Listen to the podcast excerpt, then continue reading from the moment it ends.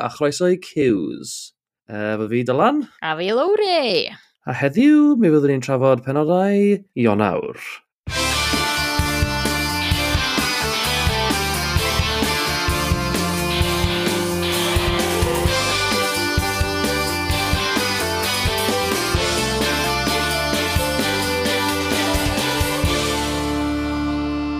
Siwr i chi, Lowry? Iawn, diolch, ti'n iawn? oh, yes. yeah, good mis arall wedi mynd heibio, ma, a mae round a round wedi officially rhedeg mas o budget babis nhw. Ond ie, yeah, loads o babis. Llwydd, ti'n gwybod, lla bod nhw jyst i panicio a mynd, mae'r pobl ifanc yn dda efo copsan, a fydd yeah. neb yn cymryd drosodd y rownd yn y dyfodol. O, oh, gosh, rhaid, yeah, yeah. rhaid i ni gael babis i fewn i gael cymryd drosodd ar y rownd. Ond ti'n gwybod, be o'n ni teimlo, mae mor neis cael y babis yma, achos mae o'n kind of mynd full circle a ti'n cael dy atgoffa o bobl oedd yna blaen, dan yn cael o'n atgoffa o Wyn, o Iris, Michael a Michelle. Ni wedi cael lot o hyn myneb hefyd. Ni wedi cael Erin yn dod nôl. Ni wedi cael mm. gweld Barry. Ie, yeah, do'n ni ddim yn disgwyl cael gweld yr hen wynebau yna. Na, oedd o'n gyffroesiad. A mm. hefyd gwynebau newydd uh, anghyfarwydd. Um. So ie, mm. yeah, that's just mynd y i drafod y penawdau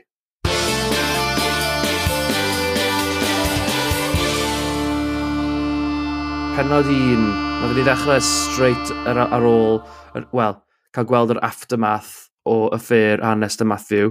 Yeah. A mae just wedi bod yn non-stop anest yn really upset. Do. Wel, na do, nath o, nath o, nath o gyrraedd i anterth ar crescendo mawr do yn, yn, y, yn y podcast dwythau gyda ni, ac oedd yn gred siarad efo Anest. A o'n i wedi cyrraedd y pwynt, ach, dwi'n dwi mynd trwy masif fatha bach o emotional rollercoaster efo Anest, Just achos mm. dwi fatha'n casau hi gymaint, de, mm. a dwi fatha, oh my gosh, stop yn hyn i fod yn victim, a wedyn, mm. ti'n gwybod erbyn y diwedd hefyd, o'n i bach dda, o, oh, bechod, mae jyst, ti'n gwybod be, mae just yeah. ar goll, mae wedi gwneud rhywbeth ofnadwy, do, a yeah. mae'n e just angen ownio fyny hynna, dwi wedi gwneud rhywbeth ofnadwy, ond yeah. mae just i ddeud arni, do, mae'r stres a dim yn cysgu'n iawn, a, yeah. na, na mwg di ddeud arni hi ar epilepsi yma sy'n gen i hi. Ie, yeah. un o'r pethau sydd, obviously, neud, neud hwnna'n wath, neud iechyd i'n wath, yw fel, a ni'n methu credu nath i wneud hwn, ond bod hi wedi mynd fel syth nôl i Matthew. fe bydd yn meddwl amdano fe. A oedd yna mor awkward. Ond like, pan mae fel cerdded mewn, a mae ma fel hygo fe, a wedyn maen nhw ar y soffa. Ond mae'n rhyw fath o ryddhad bod y gwir mas. Ryddhad? Ie, yeah, pa'i gael fi'n wrong, na'n gyfle nhw'n ni moyn i bawb cael gwybod, ond O leia fedrwn ni fod yn agored a bod gyda'n gilydd nawr. a dde fel... Uh... Ia, Matthew dda, na, bach o hwyl oedd o fod, a wedyn smac. Oedd o'n hwyl tan nithiwr ella, ac o'n elfen o risg. A dyna oedd yn hwyl i fi. yes! Smac. Ond yeah. methu coelio beth ar ôl bob dim oedd wedi digwydd. Dda, o'n i ddim yn meddwl yeah. fysa hi'n mynd yn ôl at Matthew, a mae jyst yn cael jaman wedyn, achos mae'n trio mynd at Jason, ond mae Iestyn di deud wrth Jason yn barod, ba Anes di mynd at Matthew. So mae, o, mae Jason yn aros amdani a mynd, o, oh, Nicholas Shivers, oedd o'n colli plot efo i doi. Da ni di gorffan! Finito! Finito, ie! Yeah. Oedd o'n anileriad fel Jason Lyme sy'n choco mewn ar y diwedd o. uh, o'n i... Oh, ie. Yeah. Chwarae teg, ddo. Iestyn hefyd, mor conniving. Mor cnewing, dde. Fel, mynd i weld fel Jason fel bod e'n ffrind really da i fe. A wedi bod fel, um, wel, ti'n gwybod fel mae hi yn tîm Matthew nawr. Ia, ww! Um, Nes i ddicio uh, i wneud efo nhw, de, nes i gael, yna un lein briliant gan Arthur, um, pam nath nhw fynd i nôl y pizza, de, Dwi ddim mm. yn gwybod os oedd hyn i fod yn rhyw fath o euphemism neu double meaning, ond oedd Arthur ddim yn... Rwbob pwys a'n sticio i bita yn y bobi di sydd wedi cadw i fo ma. Oh! Glas. Waw. Oh. Uh, Wan y teg i Arthur, mae fe wedi bod yn fel proper... Uh, cael Kevin Jason. Um, Do. Dwi'n just bod yn really gas i Anes, basically. really gas. Ond yna i pwynt i goffi, oedd bod yn really gas efo i, ac o'n i'n meddwl, oh, yeah. mae'n eich bach yn, yn colfo. Yn ewedig di Arthur mm. ddim wedi bod yn angal o bellffordd na yeah. ddo. Rwan mae jyst yn bod yn bach hypocrite, ond dwi jyst yn meddwl, ti'n gobe, mae o wirioneddol yn gweld Jason fel mab, dydy, a ryw hogo bach wirion sydd wedi chwalu, wedi torri galon o do. Ie, yeah, 100%. Ie, yeah, mae'r ma, ma, ma thing yma o sort of Mwyn i heb gweld Matthew yn cael lot o backlash y blaen fel o teulu e, really. A na gym mae fe wedi bod yn neud. Wel, obviously mae'r disgyblion y stuff wedi bod yn uh, chwerthu'n arbenna. Ond, mm. gosh, mae fe wedi bod yn neud crack. Just yn fel, constantly mm. fel, sa'n wneud dim byd wrong. Sa'n wneud dim byd wrong mm -hmm. drwy'r amser. A dde, mm -hmm. nes i actually really mwynhau pan oedd cael fath o row masif, um, just cyn i fi cael row masif yn yr ysgol a dde just cerdd y mas, a wedyn dod nôl a cael absolute bollock yn gan Elen, a ffyrdd. Do, ti'n meddwl, o, mae'r ma hen Matthew just yn nôl big time rand dydy. Dio oh, ddim ne. just yn nôl yn, tod, yn bod yn gyd drain. Mae o'n, o, oh, mae o'n really plentynaidd ydy. Just silcio. Ie. Yeah. Fel Arthur hefyd, yn cael cefn Jason, uh, mae Danny wedi bod yn help mawr. O, um, do. Ond beth ti'n meddwl am hwn? Wyt ti'n meddwl falle bod Danny yn bach rhy bell? Achos fath o be mae hi wedi wneud yw sort of trial cael Jason i ddim yn ei weld fy anes pan oedd hi ddim yn dda. A ti'n mm. os hmm. mae Jason eisiau mynd i weld i, digon teg yn y fe. Na, ia, dwi'n dwi, ia, ia, dwi cytuno. Dwi'n meddwl, tob, yn pan nath y holl beth ddigwydd i ddechrau ar y ffer, a tob, mae'n iawn i drio edrych ar ôl Jason, dydy, a mae Danny amlwg yn meddwl y byd o Jason. Dwi'n meddwl bod chdi'n hollol iawn. Pan oedd Anes yn sal, achos tyd, gath, gath i'r ddamwain ar y gwch. A, ond Jason yn gwybod pa mor isel fysa hi'n mynd, achos ef, os ti wedi cael ffit, os gen i hi'n bywoliaeth nag oes. So dyna'r oll yeah. eisiau gwneud, mynd i jecio bod hi'n iawn um, yeah. yn gorfforol a hefyd yn feddyliol, de. A yeah. dwi'n meddwl ti'n iawn, dwi'n meddwl a dan ni'n bod bach yn selfish wedyn. Oes gen i hi ulterior motives, dwi'n yn gwybod, ond tyd, mm. ella hefyd bod na chydig bach o elfen o, oedd pobl di trio deud wrthi hi, dda, ti anna stopio fy bari, mae o'n fatha siafftio chdi, a nath hi anwybyddu hynna, so ella bod hi'n mm. trio, ella bod hynna neud i hi bod, fod chydig bach yn overprotective o Jason fatha. Just, just gad o fynd, mae'n mae newyddion drwg i chdi, lle tyd, yn amlwg, di anest ddim yn rotten to the corn a di just i gwneud cangymeriad, mae anes de, a mae'n mae dal yn ifanc, mae dal yn yeah. dysgu yn di. Ella bod Dani yeah. just i gwneud bach o misjudgments just achos gorffennol hi, dwi'n ba. falle ie, yeah. good thinking. Mm. Yeah. Um, oedd y ffit yna yn scary ddo, gosh. Oedd oh, yna'n uh, horrible gwrdd fa. Oedd, oedd. Um, Ti'n gwybod beth? O'n i'n teimlo fatha rath oedd yn unlla hefyd, fatha, O'n i just mm. yn gwachad i'n meddwl, o, oh, mae'n bod yn right miserable cow heddiw. Yn hollol yeah. moody, de. yeah. A wedyn, o'ch chdi just yn gweld, o, oh, mae di mynd. Oedd hi just yn glazed, doedd. Pressure! Anest! O, pafoniwch rwy'n! No! Anest, dwi'n gofyn! Be da ni'n mynd i neud? Dwi'n iawn! Anest! Anest! Oh, gosh, oedd yn horrible. I'r kids, de? Ie, yeah, I mean, oedd yn scary wylio ar y teli, o'n i'n meddwl. Um, O'n i'n gofod chi ffwrdd. Uh, un peth, nath Iestyn actually fel actor really dda fan ando. o step o mewn, edrych ar ôl i, fath o beth. Da. Am ryw reswm, o'n i'n meddwl falle bod hwnna'n mynd i fod yn rhyw fath o drod cornel i fe, bod e'n mynd i ddechrau step o lan, ond obviously ddim. Y thing sy'n digwydd nawr y fannes, dyma di edrych mewn i'r triniaeth laser yma, which nes i edrych mewn i, sy'n actual fel laser treatment ar y brain. Sy'n wow. mad. Um, mm. Dwi'n gwenno ddim eisiau hi mynd trwy ddofech, mae'n bod yn bryglis. Um, ond mae hi wedi sort of mynd til cefn just sort of mynd i weld y nyrs. Mm. So pwy, pwy o'r beth yn digwydd fyna? Mm. Iestyn wrth gwrs. Um, Iestyn, Iestyn, Iestyn. Oh, dwi jyst ddim yn gwybod os dwi'n mynd o dod efo'r hogyn fa da. Oh, ti'n meddwl bod o'n horrible ac yn evil, a wedyn mynd back yn ôl, mae'n neud rhywbeth neis, a wedyn mae'n yeah. gwirion eto. Oh, dwi'n gwybod beth i wneud o'n o.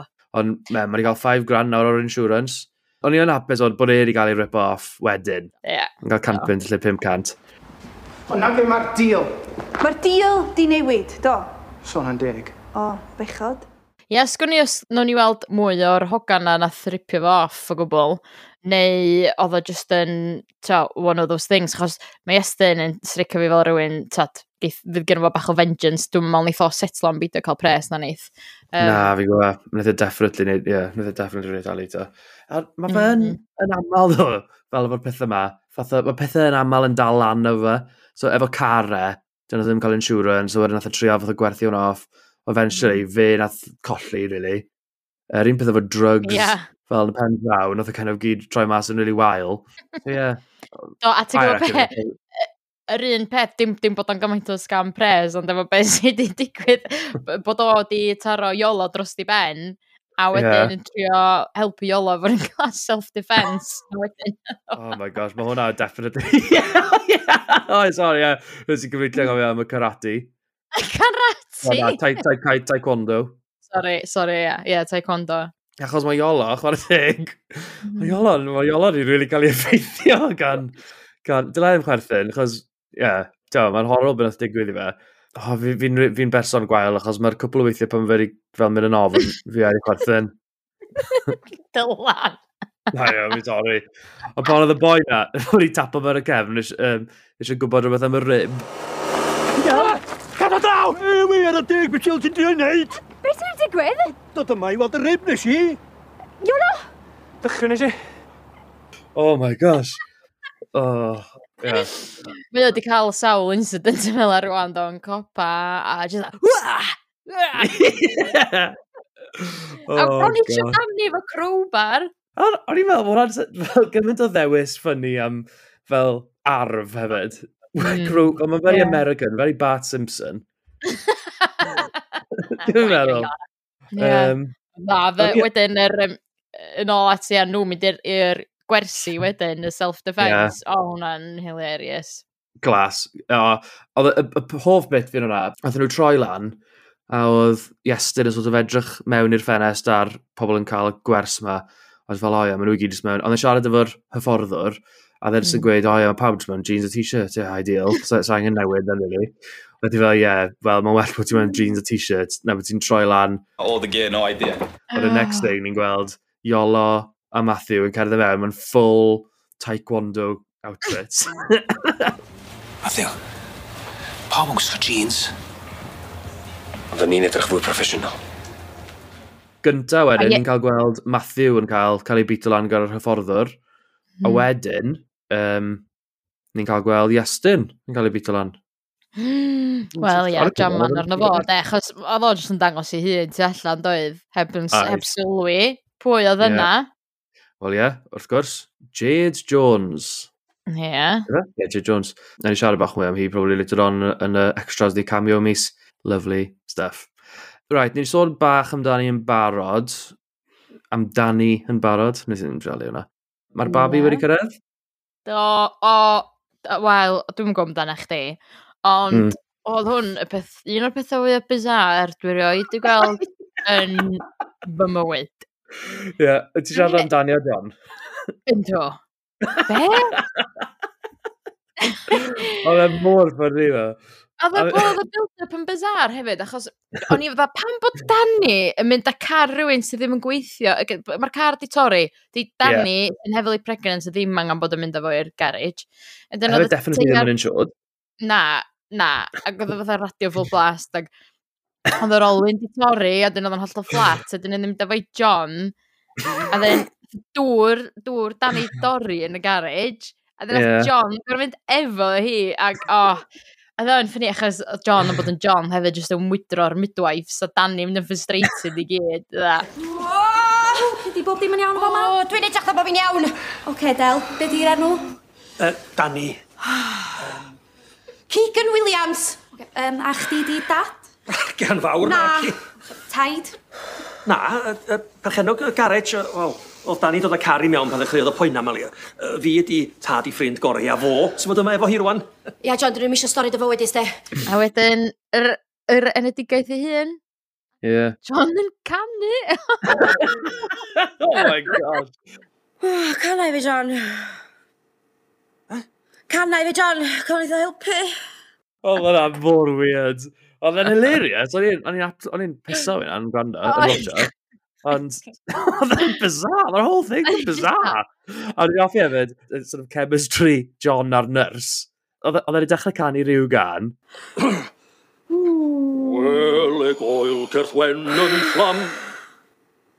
Oedd e'n edrych lan yn o hi fel, yw hwn yn oce? Oedd hi fel, siglo pen fel, na. Ond dechrau canu yma o hyd, edrych lan o ddim fel, mae'n ras o one. yn amser hir i'r co. A mae'n eventually, nyrs arall yn dod mewn, a bod fel, Oh, Oh, brilliant. Do, dyn nhw'n yn gwenu nhw, nhw'n fatha bod yn rhywbeth hollol... No, illa bod yn rhywbeth normal, illa bod yn digwydd yn aml, o'n edrych, bod pobl yn canu. Hyd, Da ni yma o hyd! Oedd o'n ffynnu, actually, pan oedd um, Danny yn dweud... Aros pen yma'r gwely, please, John! Ac oedd dda... Mae'n poeni, sgyn i'n bwriad mynd yn unlla arall. Oh, my gosh. Fantastic. Nath rhywun neud comment yn dod bod yn ffynnu. Mae'n ma, ma neis, obviously, mae'n i gael yn win. Mm. Ond nath rhywun neud comment, fi'n siŵr, bod yn ffynnu achos bod e hefyd yn fel, yn foel, basically, na fe. win. Um, yeah. Mae'n nhw'n cael edrych yn debyg.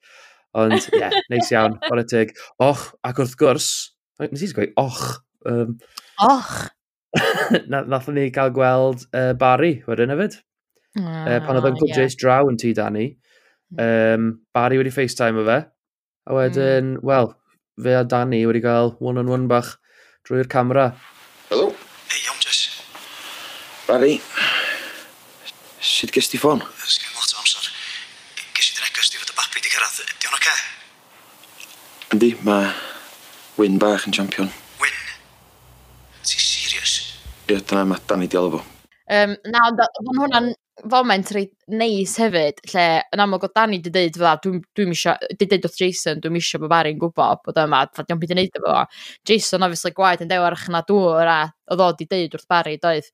A dde, o'n i'n disgwyl i Dani fynd yn nuts efo Jason, ond ti'n gwybod be? Oedd hi'n eiddfed rili yn y ffordd nath i ymateb a mynd, ie, yeah, ti'n gwybod be, mae angen gael gwybod, so dyna ni, might yeah. as well. Ti'n barod sgwini weld mwy o Barry dros, uh, mm. dros FaceTime? Ie, nice. sgwn i. Be, fatha, dwi'n gwrs yn darllen lot i fewn i hyn, ond oedd na fatha, oedd e ar FaceTime i gyd, ia, a wedyn oedd na fatha sh actual shot ohono fo yn jail, doedd, fatha, Do, ie. Yeah, ar ôl yeah. y ffôn. O'n i fatha, o, mae hwnna'n ddifur, so mae'r cyfnod wedi bod fewn i'r jail, dim jail, ond ti'n bod fel. Ie, so, yeah. Do ddim just yn fatha one-off FaceTime thing, ella, dwi'n mwyn gwybod. Ie, yeah, gobeithio ddim. Ydyn ni'n rhaid gweld mwy. Hmm uh, un cymeriad newydd ni wedi cael, actually, nes di sort of sôn amdano fe'n cwic efo, efo gara, uh, yw Tristan, wrth gwrs, stylist oh, newydd y sabon, y, y sebon, y, y salon. um, wedi dod yn syth o Sebastians yn Manceinion ar ôl yw rham, rhamant nhw beidio gweithio mas. Mm. Mae wedi dod yn ôl, achos mae'n siŵr bod yn gosach ti deulu. A yeah. dyma fe yn dal i dorri un ar dal i dorri, wel ie. A o timing perffaith, da, i fel, mae'r ma babi wedi cyrraedd o'n ac oedden nhw'n desperate yeah. am help. A e, to, mae weld bach yn useless, mae'n hwyr i bob man, dio heb dod o'i ffôn pan oedd o'n mynd am y cyfweliad yna. Ond yeah. mae o weld fel hyn sydd da, nath yn y job briliant o wath lawri, oedd Kay yeah. yn edrych yn stunning pan wnaethon ni gweld hi. Gosh, oedd. A hefyd, mae fe kind of wedi rhoi troed yn fe um, yn cwmpa mas efo Rhys. Wel, do, oedd o'n hapus iawn, faint oedd o gorau talu, tra 500 quid yn rhywbeth, ie. No, I know. Ond not Danny Wyn wedi talu fan nôl am yr olwyn. Ond dal, ti'n yeah. nath e gyrru mewn, oedd e angen talu am y mwpen na, bai fe oedd yna, completely. Um, nes i rili really fwynhau um, pan nath Tristan yn mynd i weld y babi, a wedyn hmm. Rhys yn cerdded mewn y clywed yn galw, galwen. Creep yn overalls. O, oh, Rhys ddim yn apus o hwnna. Na, dyn nhw'n di dechrau ar y droed oran ydy. Ond o'n ti'n be hefyd oedd ti clyfu y ffaith pam oedd um, Tristan yn y caffi ac oedd fo Mel yn really cael ymlaen ac oedd fo Sophie oh, yeah. really ddim. Ac y mae dau goffi ag un paned gen ti, please, Sophie. Dyd o Danny, mae ti yr un oedd wastad yn hapus a chrysawgar. So mae fatha, Dan yeah. ddim yn fod yn byw bywyd Danny drosti tra bod hi ddim yn y salon rhan ydi. Ie, yeah, oedd o'n glas. Um, Dwi'n meddwl ella bod Danny wedi bod yn cael chdi bach o hwyl efo chdi. Dydy Sophie a Danny ddim yn dod ymlaen. Maen nhw'n ffrio, dweud gwir, drwy'r amser. Be, oes a scandals? A mae Danny 100% mynd i drio setio nhw fyny, dydy. Er, Rhys a Tristan, lle. 100%, that's on point, ie. Yeah. Mae'n gorfod digwydd. Mm. Uh, nes ti sôn am Mel, uh, un ffordd arall a Tristan a Mel Bondo oedd dros y product yma, All Natural. A apparently, mae Mel yn mynd i wneud make-up Phil a Lwri ar gyfer uh, briodas. O, oh, mae hynna... Ty be, dwi wedi enjoy'r storyline yna fyd. Mae Mel... Oedd hi jyst yn obsessed efo brodas nhw e. Wel, yn amlwg... Yeah. Dwi'n amlwg sy'n celf, dim bod o fatha ddim yn hapus am peth, di, ond mae jyst fatha, mae ma bach yn weird bod chdi mor obsessed yeah. efo prodas uh, cyn gariad neu cyn wraig fi, dydy. Ie, yeah, um, chwarae teg, Galvin. Ie, yeah, chwarae teg, ia, bach weird, ynddi. A wedyn, ie, yeah, mae hi'n mynd i wneud make-up lawri, fatha di'r goed i wneud make-up a fatha, yn broffesiynol, anyway. Ond, o, oh. ie, fi'n gweithio wneud i wneud bach o cash i nôl, drwy yna hi. A ti'n be, fi'n gweithio geithi, wel, nath ca, oedd na moment really cute yn oedd, um, efo Kelvin a Mel. Oedd Mel yn ofyn bod Kelvin yn jealous um, mm. o Phil a Lowry. A wedyn ni'n cael nhw'n gael chips neu rhywbeth. Oedd hi ddim yn bach yn mwyd, ond nath Kelvin gweud... Chdi di peth gorau sydd wedi digwydd i fi. Gwir. Gwir. Fe gai job gall a safio chyd bach o bres. Gyd i y brodas o tisio fyd. Efo cyffyla, band, a tan gwych os lyci di. O, Kelvin Walsh. Ti'n berffaith. Oedd e'n oedd e'n really nice. Oedd. Ar y teg i fe. Ni wedi sôn am un cymeriad cyfarwydd, nath o'n ôl, Barry. Un arall, wrth gwrs, ni heb gael eis blynyddoedd nawr, Erin. Hello, Tide. Wel, na chdi rwy'n, o'n i byth yn disgwyl gweld eto. O'n i'n completely anghofio bod e i'n mynd i Ibiza. A fo babi oedd y ffordd gath i eich flyno hefyd, oedd to John newydd fod yn canu efo Danny yn y delivery room, a dod i fewn fydda, a ddeud rhywbeth arall i chdi. Dwi'n isio clywed sgrech dynas na babi am amser hir iawn eto. One of the chances? oh. Then, yeah, hello, tide. Uh, what? Oh. what? Ond, ond ti'n gwybod, uh, dim yn bothered am y babi yna di, Erin. Oh dim yn bothered am y gwybod yna di. Dwi erin ddim, mae ma, ma rioed wedi bod yn berson neis iawn anyway. Mae'n eitha ah. fatha sociopathic bron, dwi'n poeni am dim. Mm. A mae ddim yn edrych o bod hi'n gelio efo'r babi yma o gwbl. Ond Na. hefyd, mae'n mae, mae cadw ymlaen am tad y babi, arlo neu rhywbeth yw enw e. Um, ond mae basically doesn't offi fe achos bod e'n sort of influencer DJ sort of thing, enw e. Mm -hmm. um, ond na, mae'n edrych i fi fel bod hi'n treol ditio'r babi, pretty much. Ditio fo, ti'n meddwl? Na, Neu hi? Na, mae fi meddwl, ie. Yeah. Oh my gosh, ie, yeah, yeah, gosh, wow, oce. Okay. I mean, bob tro ni'n gweld hi ar babi, mae jyst ar ffôn hi, yn fel, mm. pwysio fy nôl man, fel, shut up! Yndi. Ond, um... O, ia, a fath o trio cael nhw i fynd ar babi allan, a fath hi, hi fatha, o, oh, ia, dwi'n mynd cysgu, jyst bod ni gwynad hi, a Trio deud bod yeah. efo post neidl a falle. Yeah, exactly. Achos o'n i'n meddwl falle mae dyna be oedd e falle. Mm. Ond wedyn mae'n trio dynyddio hwnna fel excuse. So obviously dim actually dyna be e. Yndi, siwr. A ti'n gweld bod Sian yn rhyw fath... Mae Sian yn kind of gweld hynna, dydy? Ne, copper, mi. Dwi'n gosi trwy ddo. Ie, copper. um, yeah. yeah. Mm. Right.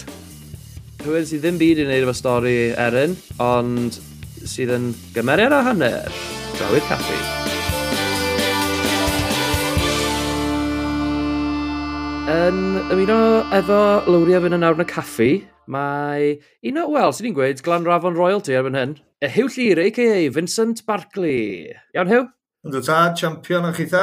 Good, diolch. Ah, iawn, diolch. Ei, dwi'n impress bod ti'n gwybod fy syrnam i fel sy'n dweud yn Sir Fôn. Sam lot o bobl yn gwybod na Barclay di syrnam, uh, Vince. A hefyd wedi cael ei sillafu fel Barclays Bank. Ai, sa hwnna'n storyline da, fysa bod o'n troi allan bod o'n berthyn i ryw banker anfarth a dod fewn i lot o bres. Bysa bod yna filiyna yn dweud i'n fawr lawr y lein, ie? Hmm. Hmm. Er ffaint, ti wedi bod yn acto uh, fyns nawr? Dwi'n meddwl nes i ddod i mewn i'r gyfres yn cyfres un ar ddeg, um, te hana ffordd trwy'r gyfres yna. A da ni rwan ar gyfres, o, da chi'n gwybod y well na fi'n siŵr, 28? 27, 28. Ie, rhywbeth fel na fi'n gyrru. Ie, ie. Mae rhywun yn colli gawnt. So, ond dim mae'n siŵr bod o'n un mlynedd ar bymthag, os nad 17 o flynyddoedd bellach. Wyt ti'n cofio sut, sut nath Vince gyrraedd Glan Rafon? Ti'n gwybod beth nath Vince gyrraedd rhyw noson dywyll, nath o, os dwi'n cofio'n iawn, nath o'n ddangos tu allan i drws uh, tu'r ces, efo llygad ddi, o'n i'n dod i mewn i'r gyfres fatha rhyw ffrind, mm um, i, i Ken. A o gynnu fi lygad ddi, yeah. achos oedd yng nghariad i ar y pryd, Brenda wedi hitio fi efo sosban. Um, be o'n i gwneud i Brenda, dwi'n gwybod. A dwi'n meddwl mi nath Brenda wneud rhyw ymddangosiad bach yn un o'r penodau'n dilyn hynny just yn, dwi'n meddwl, yn troi fyny fo gweddill yn stwffi ac yn gweiddi ac yn harthio na fi. So mae rhaid bod fi wedi gwneud rhywbeth godd i mm. frifol i bechu hi. Oedd mm. oedd hmm. rhyw stori oedd Vince fel wedi bod yn carchar neu rhywbeth? Um, Nid wedi'n newn o lan? No, mi ath o'i carchar um, rhyw... Dwi'n yn cofio faint rhyw 6-7 mlynedd ar ôl i fi gychwyn yno. So tu a hanna ffordd i lle dwi rwan mewn hmm. ffordd. Dwi'n cofio pen nes i ffeindio allan bod fi'n mynd i carchar, o'n i'n cael peint efo mm. Robin Evans, y cynnyrchydd ar y pryd yn y Black Boy a nath o jyst digwydd deitha fi o gyda llaw mae Vince yn mynd i carchar a di hynna yn y geiriau mae unrhyw gymeriad eisiau glwad nes i dweud wow hold on o fynd bach Robin a nath o dweud o paid a poeni dwi'n meddwl bod chdi'n cael naw wsos a fyddi di allan ar o chwech so paid a poeni normodol Rwy'n un o'r rei mwyaf lwcus. I fel bod wedi llosgu fy lock-up i lawr fel insurance claim oedd o. Oedd Vince yn... Um, Bryn o Bres yn sgint ar y pryd, a nes i losgu'r lock-up a claimio'r yr yswiriant, a yn anffodus ges i nawl, so ie, yeah, i'r clink a fi. Mm. Dew. Ie. Yeah. Ti wedi cael dipyn o straeon na storylines da a juicy do, pa rei sy'n sefyll allan i chdi yn y co? Um, do, dwi wedi bod reid lwcus, ti'n cael cyfnodau mewn drama neu mewn sebon yn arbennig um, lle ti'n gwybod os ti'n cael un stori fawr, ti'n gwybod bod ddim wedi bod yn dawel anna chdi am ryw hanner cyfres wedyn. Ond na, dwi wedi bod yn lwcus. Um, dwi'n meddwl un o'r ei mwyaf rhyw ddwy dair cyfres ar ôl i fi gyrraedd, um, ac oedd Vince wedi sefydlu hun fel, fel cymeriad rheolaidd yno, lle nath um, y mab gyrraedd Mm -hmm. To'n i'n gwybod dim byd amdano fo ar y pryd tan i fi gael y sgript lle nath Callum gyrraedd do.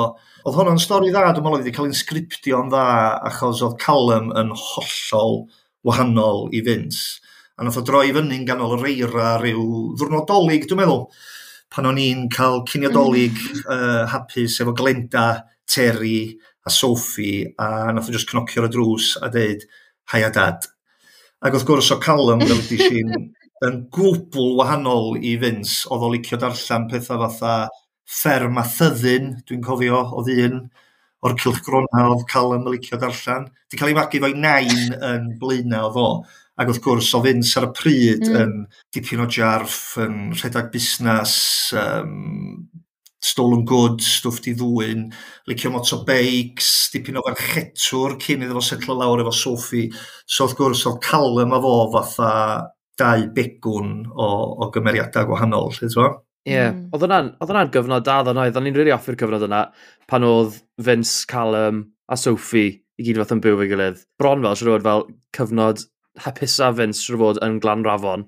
Ie, yeah, ti'n peth oedd Vince i mewn i'r gyfres fel o'n i'n deud, oedd o'n dipyn o ferchetwr delio mewn offer di ddwy'n, dyna be oedd i fusnes o um, motorbikes, yr holl siacedi lledar na, oedd o'n fi'r un goch, yr un honno mae pobl yn gofio am ryw yeah. reswm. Uh, tiod, mae, ma cymeriadau'n mynd trwy gyfnodau dydy, lle illa rhyw ddwy dair blynedd yn ôl o fynd stipyn bach yn fwy um, fwy i ysbryd na, na oedd o'n y cyfnod hwnnw, lle, ti'n Ie, yeah, mae fe'n aml di bod yn sort of eitha down and out, yna fe, yn stryglo fath o llefydd i fyw, uh, swyddi.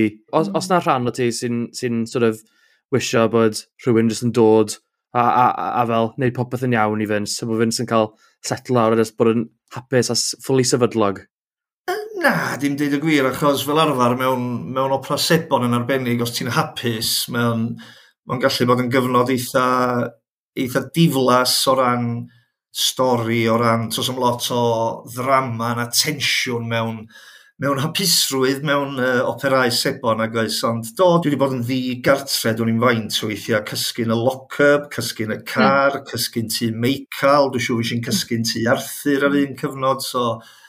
Do, mae wedi bod hmm. rownd y bloc uh, chydig o weithiau, dweud gwir, da. Hmm.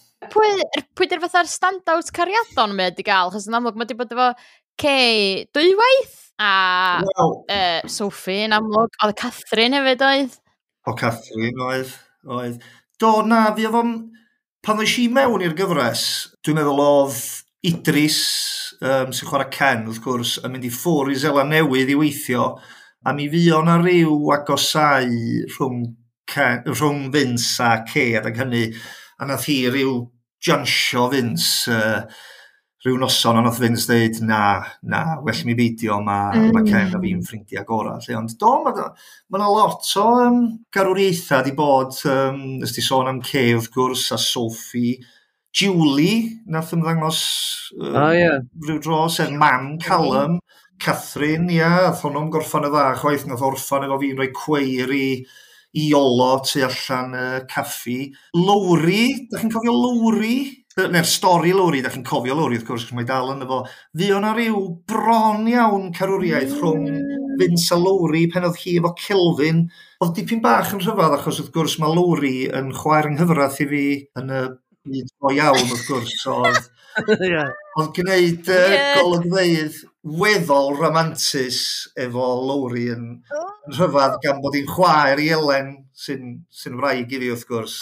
Elen sy'n actio Gwenno wrth gwrs ar Round a Round. Ie. Yeah, Ddim yn neis bod, bod y ddau o'ch chi ddo yn cael mynd tio, i weithio yn yr un lle. Yndi, ond di, dydy llwybra Vince a Gwenno yn di croesi gymaint a hynny.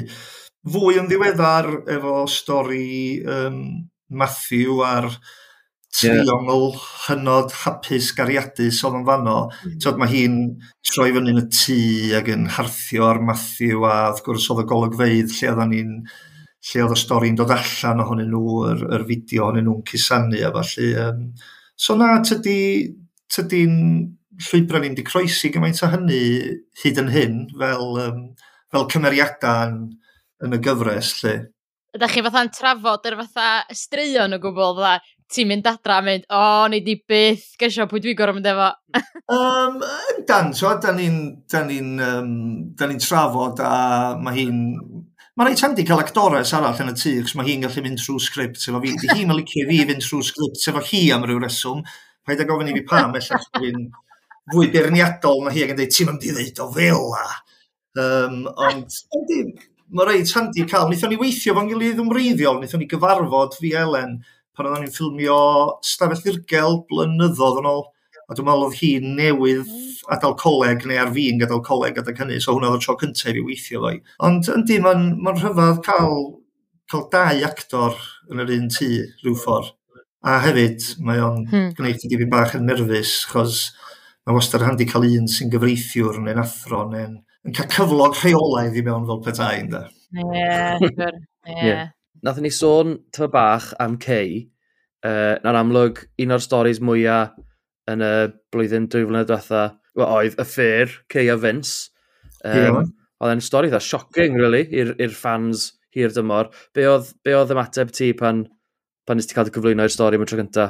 Ie, oedd o'n eitha shocking i fi fyd y gwir, gan bod Ken a fi'n gymaint o lawia ers blynyddoedd. Ond mae'r rhyfedd dwi wedi gweithio, um, dwi'n meddwl nes i fynd i pengellu fatha cariad i buddig pofi yn hogyn drwg.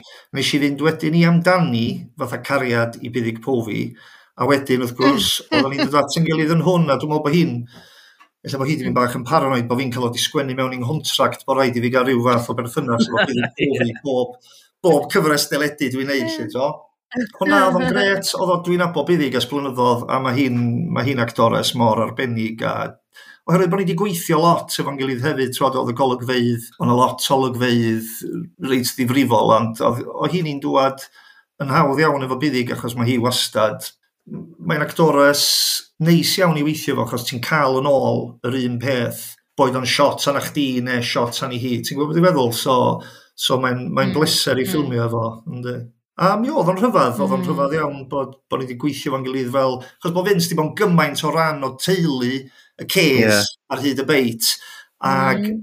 yn fatha rhyw ewyth yr bron neu brawd mawr i Kelvin hefyd.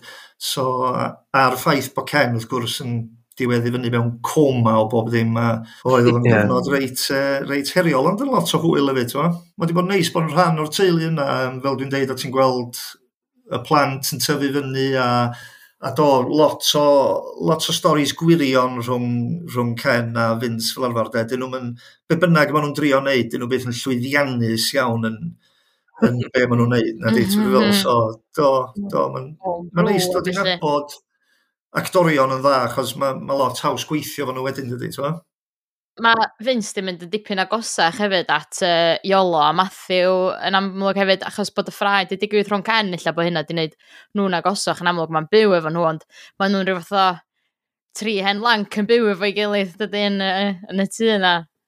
Yndi, a dwi'n meddwl bod hynny hefyd, tiod, os dwi'n sbio na fo'n yn eitha selfish, di bod yn dipyn o saving grace i Vince hefyd achos ar y cyfnod yna Oedd Vince dipyn bach yn fflotio gwmpas y lle, dy gynnu fo'n tŷ, dy gynnu fo'n graig, dy gynnu fo'n cariad, dy gynnu fo'n llawer o'n byd. A wedyn nath nhw benderfynu roed o'i fyw yn tŷ Matthew.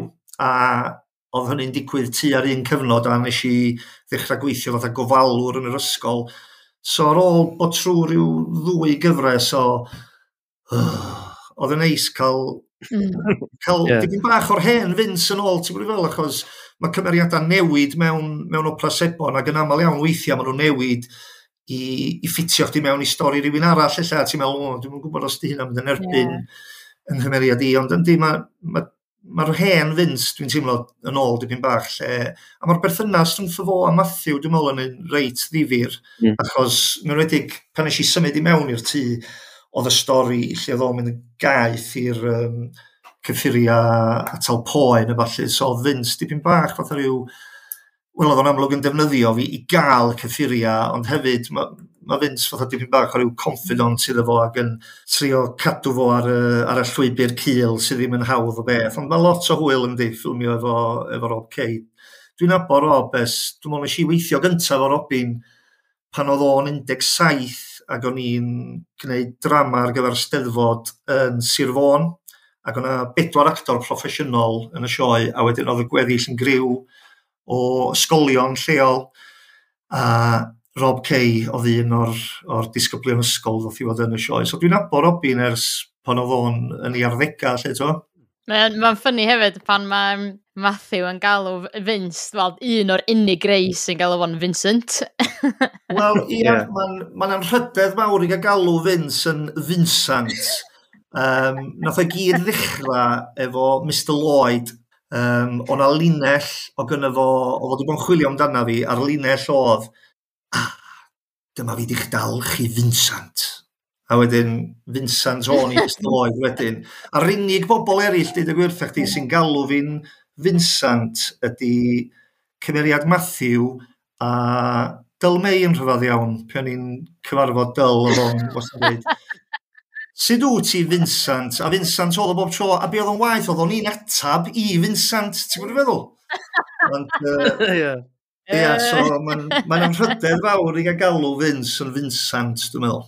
Wrth edrych mlaen nawr, yn, yn, ystri, well, yn ystrion diwedd, diweddara, mae'n edrych fel bod Vince a Ken yn dechrau sort of agos ai eto. Wyt ti'n rhoi rhyw fath o hint i ni os oes dyfodol gwellu Vincent a Kenneth? Yndi, wel mae yna rhyw olygfeidd di bod, bod oes yn yr ysgol lle oedd, oedd Vince fatha rhyw gi bach yn trio cael maddeiant ac oedd, dwi'n meddwl oedd Ken isio rhoi maddeiant ond yn ffendio'n anodd fel fysa rhywun wrth gwrs um, tasa rhywun wedi cael uh, perthynas efo'i gwraig nhw. Um, oedd y golygfeidd yna'n rei, reit ddoniol i ffilmio achos oedd nhw wedi sgwennu bron fatha bod nhw'n ddau gariad oedd yn trio dod nôl at ei hmm, gilydd, yeah. oedd yn bizar iawn. Cos oedd lot o ryw seibia a lot o, ia, um, wel di eto, ella, ti'n oedd nhw, oedd nhw di sgwennu, so ti'n wedi darllen nhw fel, fel bod dau mewn berthynas a bod un di gwneud rhywbeth ofnadwy a bod yn trio cael maddeiant gen y llall. So, na, ti'n oedd fedrai'n dweud, mm. dim mwy na da chi di weld. Um, mm.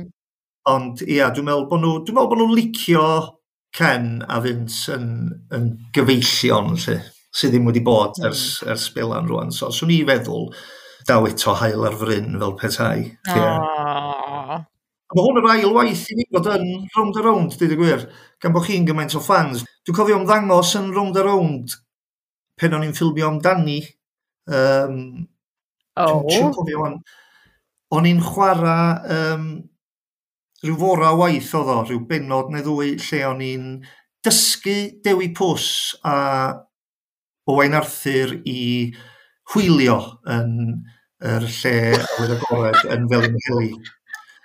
A dwi'n cofio Robin Evans yn gofyn fi, oedd wedi gwneud rhyw gymeriad i fi bore fori ac o'n i'n dweud, na Robin, dwi'n misio dros dod i mewn i wneud rhyw benod neu ddwy.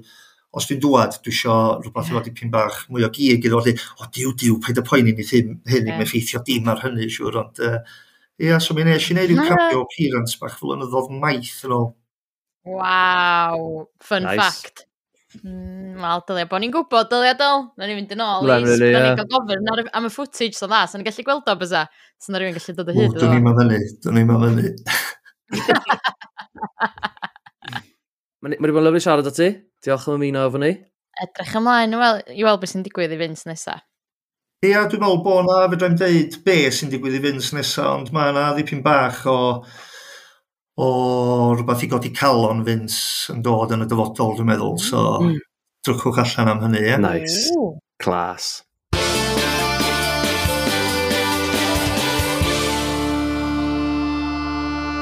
Lyfli cael siarad efo Vincent. Vincent? Gwboi. Yw llir. A nawr ymlaen. A Ken yn ôl yn ffrindiau. O, fi gobeithio. Fysio nhw mynd i, i bragu cwrw a pysgota eto. Ia. Yeah. No. Um, ond nawr... Extra yn cael ei o'r mis. Right. Absolutely loads of extras. A, hyd yn oed cameo uh, mis mm-hmm. yma. Mae wedi bod yn gysylltiad agos iawn yn fy marn i rhai, rhai o hoff rai fi, fi wedi sôn am un yn barod, um, ond yr holl bobl nath rhoi ofn i olo, um, drian y fi. So gafon ni um, cwpl o foes oedd yn cael paint yn copa. Sorry, Matt. No. Na! A'r boi arall, fi'n gofyn i sôn amdano fe'n barod, yn y boi nath dod i weld y rib, a o'n i honest i'n meddwl bod i olo yn mynd i roi cweir i fe. Um, oh, hwnna yn briliant. Oedd o'n gret. Yeah. Gan o draw! Ewi ar y dig, beth ti'n di wneud? Beth yw'n digwydd? Dod yma i weld y rib nes i. Mewn, mewn misoedd eraill, sydd ni'n gweud gallai'r boi na wedi ennill extra cameo mis, ond fel wedi sydd mewn, mewn mis mwyr gysadleol, dyn nhw heb cweith neud i. Dim trauma, dim trauma. Shout out hefyd i er midwives a'r nurses i gyd. Yn y rhaglen ac yn real life. Och, ia, wel ia. Support the NHS workers. Dwi, ia, oedden nhw'n, dwi'n mwyn os, os oedden nhw'n fatha nurses go iawn neu rhywbeth, ond oedden nhw'n really, really da y nurses ar midwives. Midwives yn gorau cymryd dani'n bod yn horrible efo nhw hefyd, ia. Just trio ganolbwyntio beth blaw'r bwyn. Mae'n beth stupid i ddeud! Na, brilliant. Yeah, fel, fel o'ch di'n sôn gyna hefyd, just job hilarious pan oedd John yn troi ati efo'r gan gyntaf, oedd hi tha, na, na, not the vine, not the vine. yeah. Shout out hefyd i, dwi'n mwyn gwybod sgaethon ni gwybod enw hi, ond merch dan, dwi'n meddwl... Um, yeah, merch dan. E? Ie, yeah, na, sa'n nes i'n dal enw, ond merch dan. Oedd hi'n briliant, o'n i ddeg. Merch dan, briliant. Hi oedd e efo'r gwch yn y shed yna lle oedd Iestyn uh, eisiau mynd i nôl i'w bres gen Dan, ond dim Dan oedd yna. So yn dda gweld mwy o hynny hi a... Os ti'n dewis chwarae fo'r hogia mawr, mae yna rhywun yn siŵr o cael ei brifo. Jyst diolch a ddim chdi oedd o. Ond... Os ti di gorffan, dwi angen mynd. Allen ni fynd yn syth at y cops a gweud y cyfan wrthyn nhw. Excuse me, Mr Plisman. Nes i drefnu bod rhywun yn dwy'n cwch fi. Dwi wedi claim o'n insurance a, o oh, ia, yeah. nes i drio lladd rhywun o'n i'n nabod. Mae'r, wel, Mae'n extra a cameo um, nath really taro deuddeg mis yma. Ddim yn unig am fod yn, uh, wel, yn gymeriadau gwych yn y rhaglen, ond am ei sgiliau nhw. Chos nath nhw cael eu tynnu mewn i'r sioe am reswm. Oedd y boi nath gweud... T-shirts, jeans, joggers yn iawn. Well na all the gear, no idea. A wedyn mynd mlaen i bito Matthew lan. Felly mae'r coes yn dod drosodd, mae'n gwthio fi, dwi'n dal y coes, dal y fraich, cael y coesau i crogi. Um, oedd e'n briliant. a wedyn, wrth gwrs... Y headhunter i hun, Jade Jones. Olympic champion. Gymaint o dŵd hefyd ydy. Ai, clas. Yeah. Mm. O'n i'n offi hefyd, oedd cymeriad hi, so oedd hi'n chwarae hunan yn amlwg. A uh, oedd hi basically jyst i dod. Um, Iestyn di gweud y llinell i hi. It's all a bit amateur, really. Anyone who does this sort of thing is a bit of a loser. Mae'n penderfynu i helpu mas, fel gwrfoddoli yn y, yn y thing yma, just er mwyn pigo fe mas o'r crowd fel volunteer yes. a bit fel lan. A bit amateur, eh? Right. Stop. You've proved your point. So, sy'n ni'n gweud, Jade Jones sy'n mynd â extras i cameo mis, mis yma, sy'n ni'n gweud, llon gyfarchiadau. Extra yn cameo o'r mis. Bit amateur, eh? Gyr mis. Okidoki, bron y benni. Jason Canest. Wyt ti'n meddwl bod Jason yn mynd i faddau anest, neu ydy'n mynd i gweld pethau yn mynd yn ddrwg o waith iddi hi? Dwi'n yn gwybod ysdi, o'n i rili really mos o'n nhw drosodd, ond dwi'n gobeithio ni ddo fydden nhw'n oce, okay, ond dwi ddim eisiau ddod fynd yn ôl yeah. efo Dal yn mynd i ofyn, oes yr rhywbeth rhwng Jason a Danny? Oh, Mae'n rhywbeth fynd i does, rhywbeth bach, dwi'n meddwl. Gorobod, gorobod. Ydy Esther byth yn mynd i gael ei ddal allan? Oh, rhywbryd, ond not anytime soon. Na, fi'n gobeithio bod y merch dan yma yn sort of y mas. A fi'n gobeithio bod mynd i cael ei ddal yma busnes iol yma, ond cael weld. Ie, yeah, te. Rhys a Tristan, arch nemesi, neu destined to be lovers. Oh, mae'n rhywun mynd i drio setio nhw fyny, dais. Ydy Erin am stick around, neu fi'n mynd i adael Liliana fo John a Sian? Wff, dwi'n mwyn gwybod. Fel i ddi stick around am chydig a trio cymryd mantais yn nhw, de? Um, ond ella yeah. chdi'n iawn, ella, ella bod yna rhyw adoption on the cards i John a Sian. Fi'n meddwl. Ac yn ola, I Mel yw Alan Sugar's next apprentice. The Pyramid Scheme's byth yn gweithio na di. O, mae'n mae, mynd i gael rhyw disaster efo'r make-up man di. Mae'n rhywun mynd i gael allergic reaction, neu mae'n rhywun mynd i gael clown. Ie. Yeah. Right, ho, Diolch yn fawr, Lwri. Mae'n fawr ti'n nesaf.